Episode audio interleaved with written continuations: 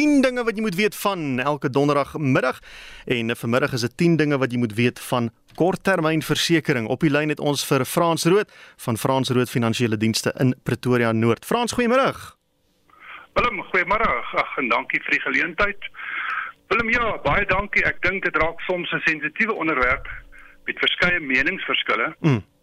Ek gaan maar altyd met die mening dat korttermynversekering nie gesien moet word as 'n sogenaamde crutch payment nie. Mm. Maar wel as produk vir die beskerming van jou bates. Dit tydens 'n eis is maar wanneer die versekeraar se proef gestel word. So dit is maar belangrik dat 'n uh, persoon moet weet uh wat die polisbewoning betref en wat in sy polisbewoning staan want elke versekeraar verskil maar van mekaar. Hmm. Nou kom ons val weg. Punt nommer 1, wat right, moet ons weet? Punt nommer 1. Right. Weet wat is jou bybetaling vir al die addisionele bybetalings per polis? Punt nommer 2 Willem, maak seker jy weet wat vereis jou polis se bewoording rondom die sekuriteitsvereistes op jou voertuig sowel as jou geboue want dit verskil ook. Punt nommer 3 maak seker jou bestuurslisensie is nog geldig. Maak ook seker vir jou lisensie dat hy nie geïnduseer is nie. Dit verwys na die beperking op jou lisensiekaart soos byvoorbeeld die dra van 'n bril Maak seker dat jy die regte kode lisensie het om spesifieke voertuie te mag bestuur, veral om te mag sleep. Ons kyk ook weer daar geweldig baie tydens eise stadium laat persone nie agtergekom het hulle lisensie skuif het reeds so vol nie. Veral op by sleepvaar en hy karavaan wat baie min gebruik word. Mm. Punt nommer 4 weet dat alle addisionele toebehore op jou voertuig wat nie standaard met die voertuig uitkom nie gespesifiseer moet word teen vervangingsware op jou voertuig. Ook belangrik, sommige versekeraars pas waardevermindering toe terwyl se eis op daai addisionele toebehore. So dit is belangrik om dit met jou versekeraar of jou makelaar te bespreek om seker te maak dat die ekstra's op die voertuig teen die nuutste vervangingsware verseker is. Goed. Right, punt nommer 5. Maak seker dat al daai duursame items wat jy nou dra en in die huis geneem word, gespesifiseer word onder die alle risiko items afdeling op jou polis. Maar ook daar seker versekeraars wat dit tot 'n sekere bedrag outomaties insluit onder die huishoud afdeling. So maak seker of jou polis dit insluit of nie. Nou, nommer 6 Wat daardie sertifikaat wil hom op jou liefdesjare moet ten minste elke tweede jaar opgedateer word en ingedien word by die betrokke betrokke versekeraar. Hmm. Moenie daai duursame weesware wat nie gedra word nie in jou bedkassie, onder die Bybel, onder die boeke, onder jou klere wegsteek nie. Kyk wat bepaal jou polisbeworingslimiet rondom met watter bedrag in 'n kluis bewaar moet word wanneer dit nie gedra word nie. Hmm baie baie belangrik behou alle aankoopbewyse. Nie noodwendig die houer waarin die team aangekoop is nie, maar die aankoopbewys soos die faktuur. Onthou alles gaan oor die wys van eienaarskap. Ja. Punt nommer 7 maak seker dat jy nie onderseker is nie. Dis ek een van die aspekte wat die meeste kopseer en ongelukkigheid veroorsaak ter in sy eis. Dis dood eenvoudig. Trek inventaris op met die nuutste vervangingsware kry 'n professionele waardeerder om te help alles wat kom by duursame items so skilderye of duursame matte. Ongelukkig sentiment kan nie vervang word nie. Hmm. Maar ag, daar is 'n afdeling wat baie ongelukkigheid veroorsaak en dit is die geboue afdeling. Maak seker jou struktuur is reg beskryf in jou polis. Maak seker en neem kennis strukturele veranderinge of sommige strukturele veranderinge moet aan die munisipale en nasionale boutgewetgewing en regulasies voldoen. Punt nommer 9 maak seker daar is 'n surge protector op die hoofkragbord in jou woning of gebou. Jy maak ook seker wat jou polisbewoning rondom kragstewing bepaal. Nommer 10 die laaste maar nie die minste nie, instandhouding dis ek een van die mees belangrikste aspekte onder die gebouafdeling veral as dit kom by dakke, geete en waterpype.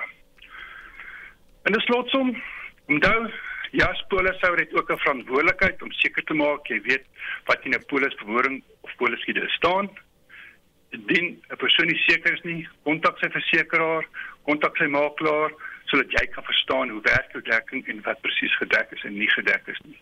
Nou jarelang is 'n bates wat opgebou is, kan met verkeerde en foutiewe onderskrywing katastrofies wees. Hmm.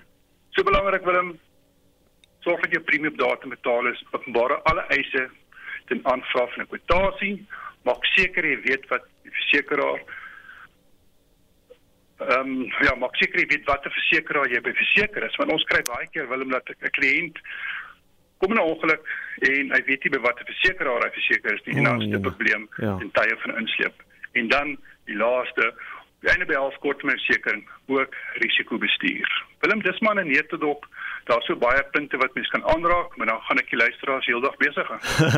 Frans, ek het nou so 'n paar notas gemaak uh, terwyl jy besig was om te praat. Wat beteken addisionele bybetalings? Waar moet jy nou nog bybetalings vandaan kry boonbehalwe die daai vaste bedrag wat hulle normaalweg vir jou gee?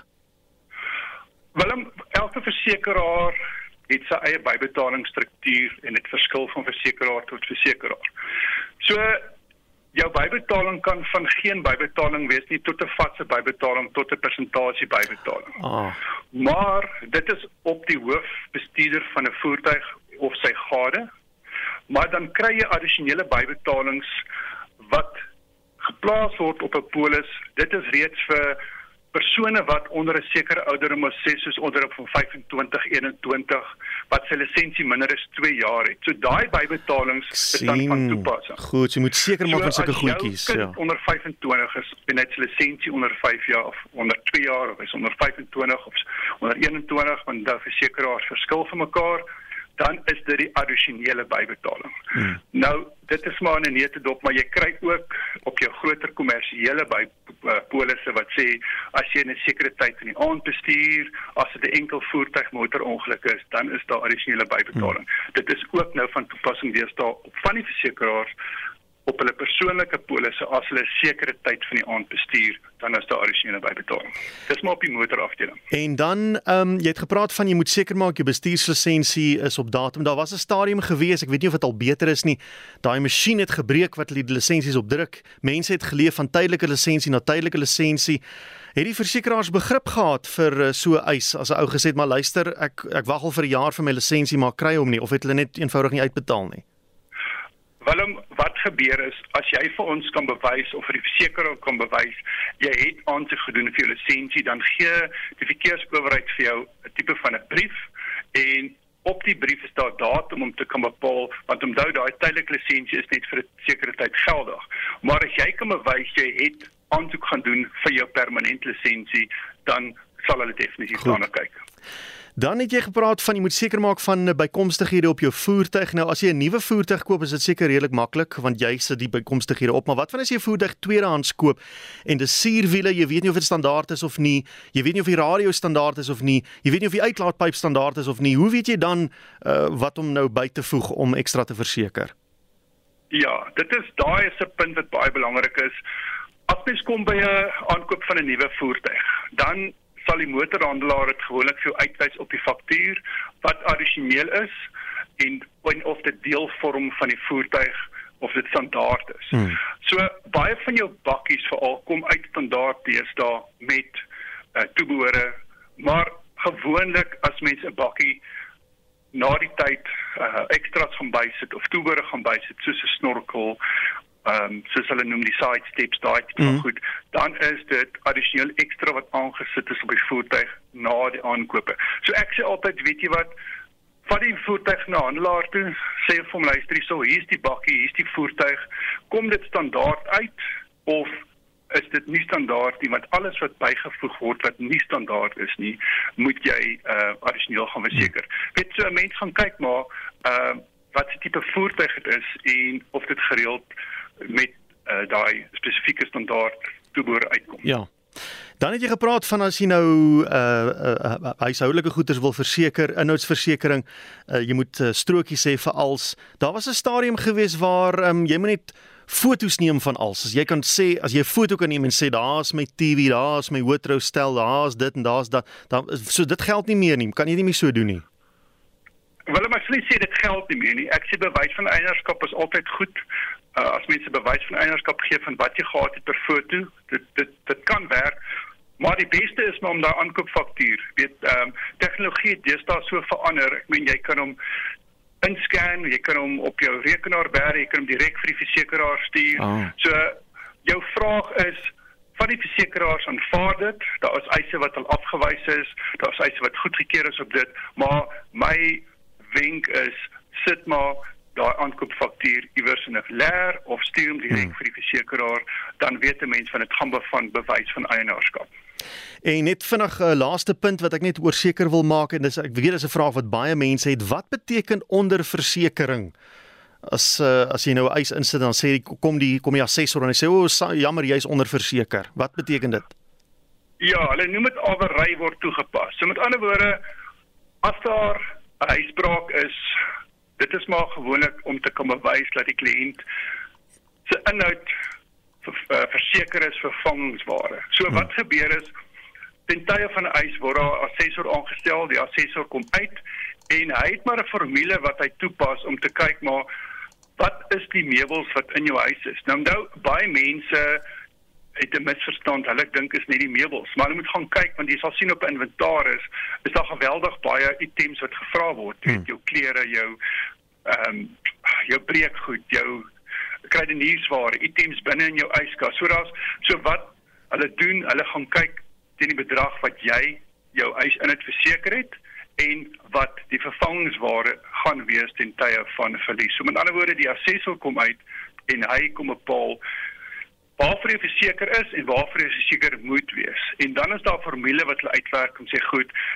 dit is waarvoor jy verseker is en dis waarvoor jy verseker moet wees, dan betaal hulle 'n persentasie van die eisbedrag uit. En dis 'n baie groot kopseer want ehm um, die mense voltooi nie die inventaris nie en ja, dit is so belangrik om daai hmm. inventaris te voltooi om seker te maak kyk, is nie onderversekering. So dit gaan maar oor vervangingsware ja. op jou items. Frans baie dankie vir die saamgesels. Ons het almal baie geleer en uh, voorspoed vir jou. Ag, dankie Willem, selfde. Goed gaan man. Dit was Frans Rood van uh Frans Rood Finansiële Dienste in Pretoria Noord.